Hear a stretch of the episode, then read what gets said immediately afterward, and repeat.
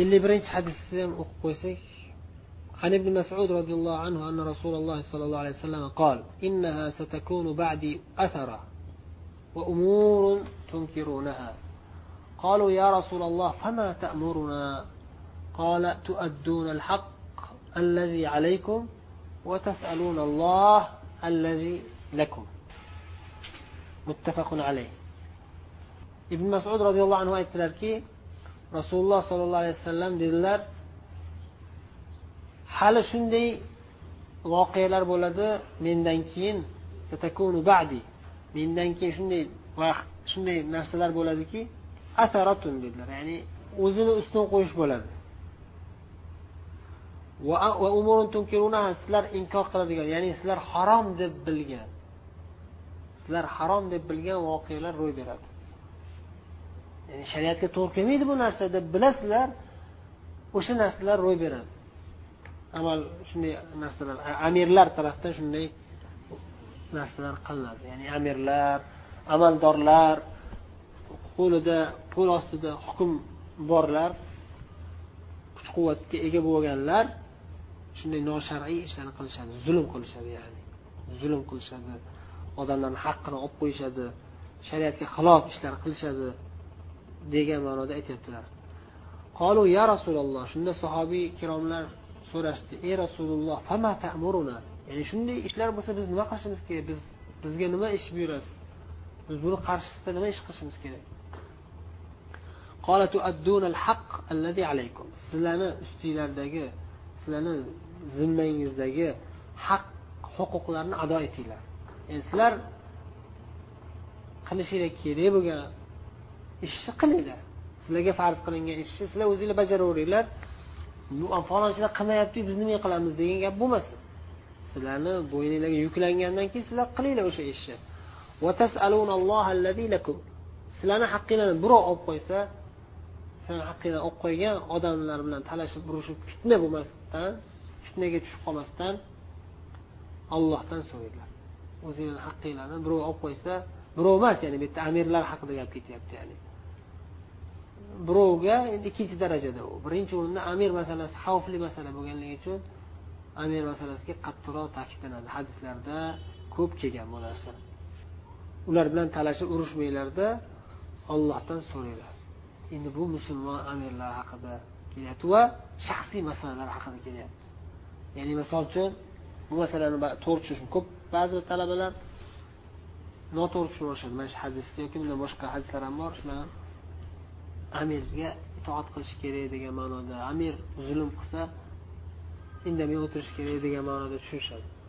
Biz hech narsa qilmasligimiz kerak. Biz faqat quloq solib jim o'tirishimiz kerak itoat qilib deb noto'g'ri talqin qilishadi hadislarni. Noto'g'ri talqin qilishadi. Bu hadisda aytilayotgan nuqta shuki asosiy nuqta shuki islomda bir qoida bor. O'shani al masolih val mafasid qoidasi bor. Islomda shariatda beshta narsa tartiblangan. Eng zarur narsa birinchi o'rinda turadigan narsa nima din. Islom dini. Nima bo'lsa bo'lsin birinchi o'rinda islom dinini foydasi turishi kerak. Nima bo'lsa ham sizni qoningiz to'kiladimi? Sizni pulingiz olib qo'yiladimi?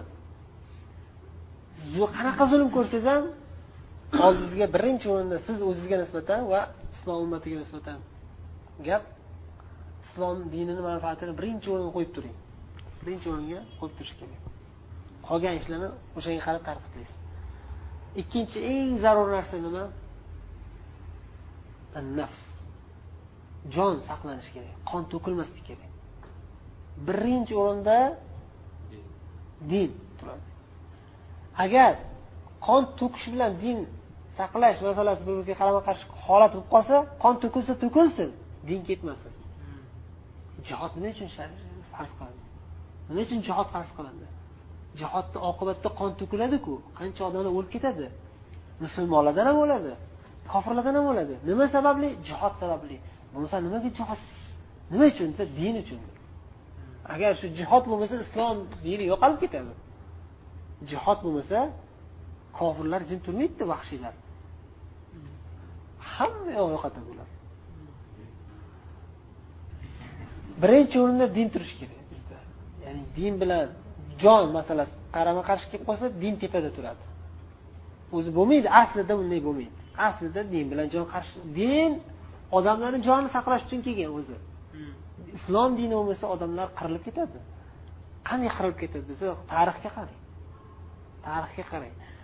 Э, nechun millionlab odamlar shu dinni tushunmaganligidan bir birisi bilan qirilib bir birini o'ldirib urush urush nuqtai nazaridan kelsangiz.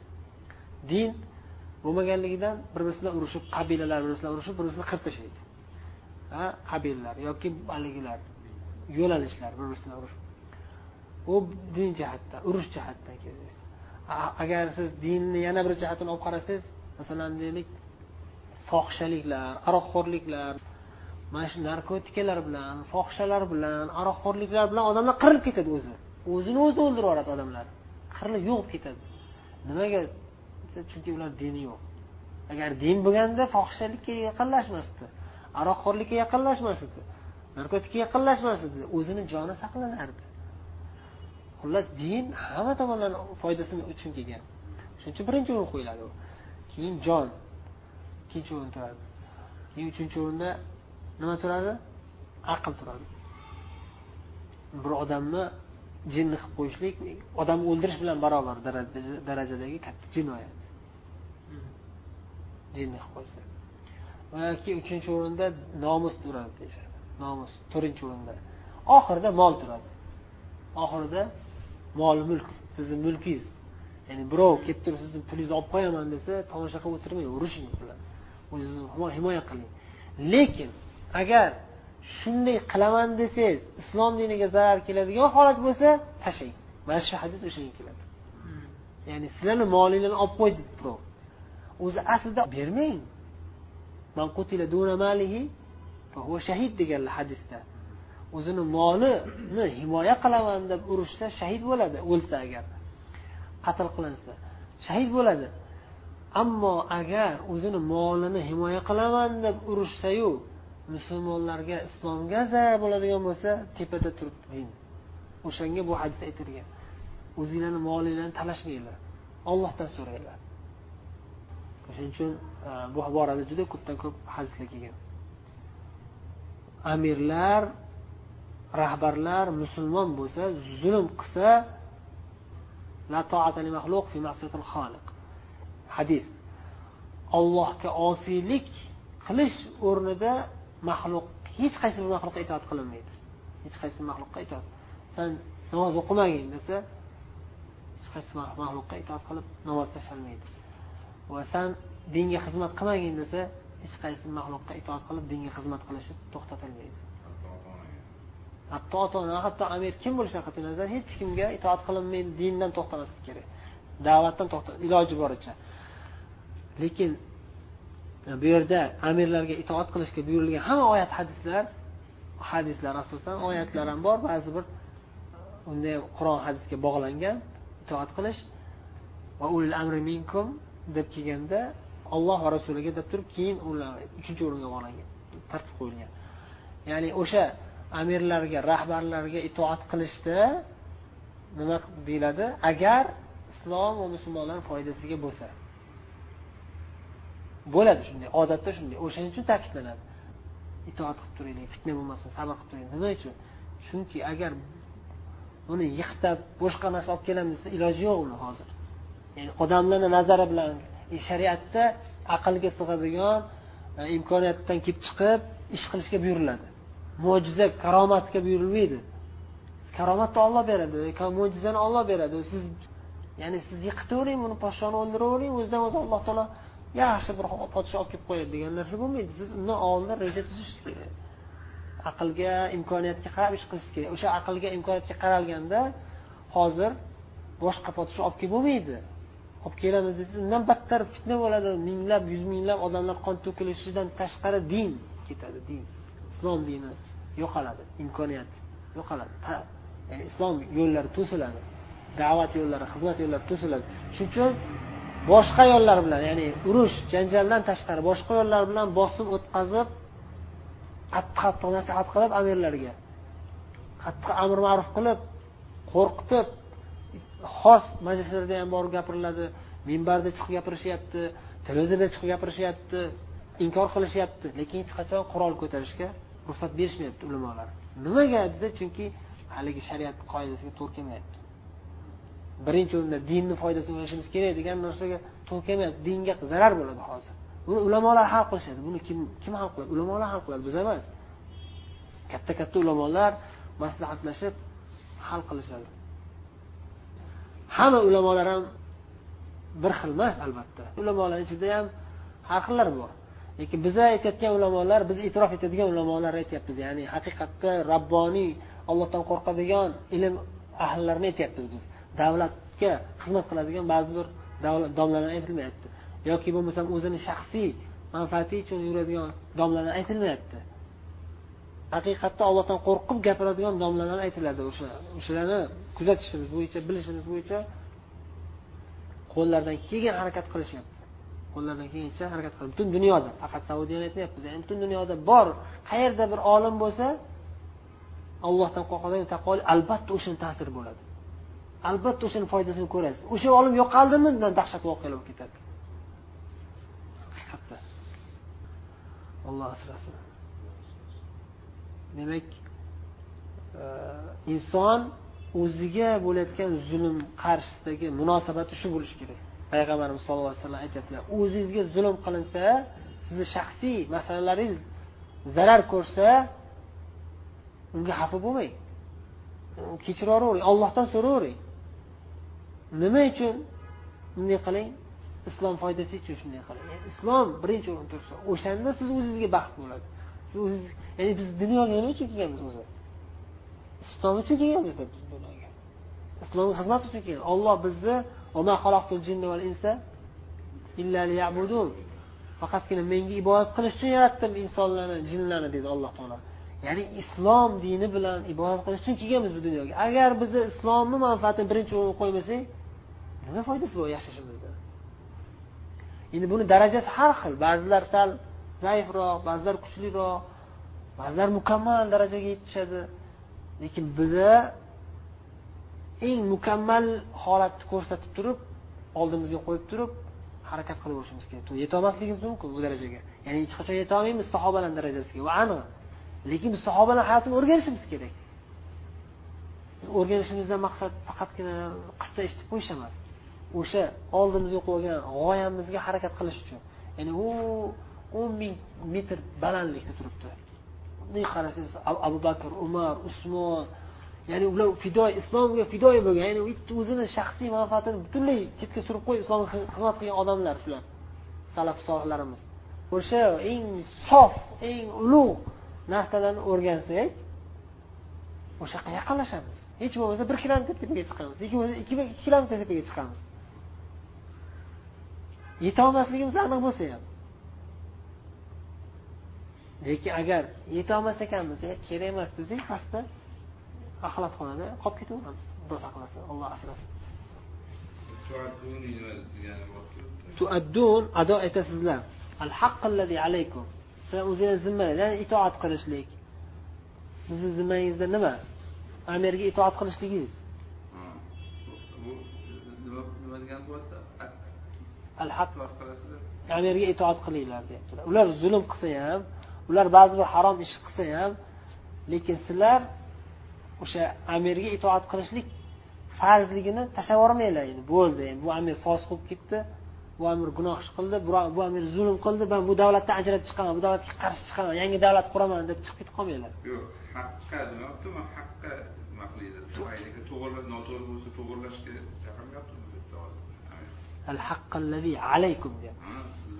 Sizlarni zimmanglarga yuklangan haq u haq kimga desa bu haq o'sha haq egasiga. Haq egasi kim desangiz beshta narsa din haq egasi din. Dinni haqqini ado eting haq egasi amir o'sha din ostida bular hammasi demak uni to'g'irlab qo'yish bir narsa qilsa to'g'irlab qo'yish mumkin emasmi darajasi bor dedikku biz hozir aytdikku darajalari bor. Ya'ni haq sizni bo'yningizdagi haqqingizlardan an nasiha amr. Nasihat qilish bor. Ya'ni dinu nasiha dedilar. Sahih hadisda imom muslim rivoyat qilgan nima dedilar? Rasululloh sollallohu alayhi vasallam sizni bo'yningizdagi har bir insonni bo'ynidagi haq sizga farz bo'lgan amal degani haq degani ya'ni sizga farz bo'lgan amal nima u النصيحة لله ولكتابه ولأئمة المسلمين وعامتهم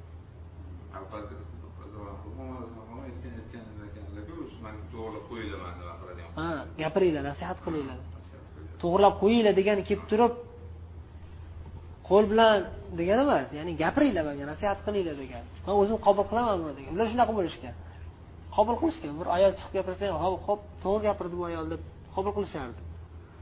Lekin hozirgilar bu bu payg'ambarimiz sollallohu alayhi vasallam aytayotgan al amirlar zulm qiladi. Bular o'sha paytda o'tib ketdi tobeinlar davrida. Sahoba davridan boshlandi muoviyadan boshlandi. Muoviyada roziyallohu anhudan ba'zi xatolar o'tdi.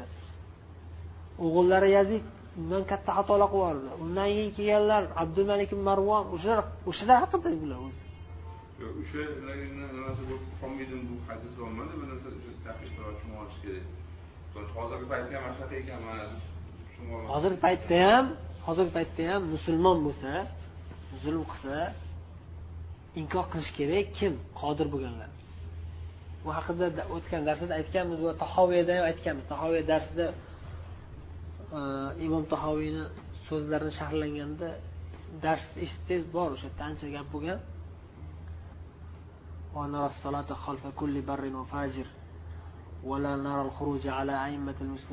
Deb keladi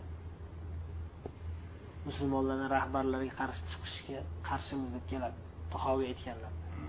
Bitta tahoviy aytmaganlar bu gapni ya'ni boshqa ulamolar ham qayerdan olib gapirishgan hadisdan oyatdan olib gapirishgan va bu narsa asl tartib shu. Lekin bu nimaga kelib chiqdi bu tartib? Bu qoida ya'ni zolim rahbar musulmon rahbarga qarshi chiqmaslik kerak degan qoida qayerdan kelib chiqdi desangiz daruriyatul hamsdan kelib chiqdi. Usul fihda o'tiladi bu.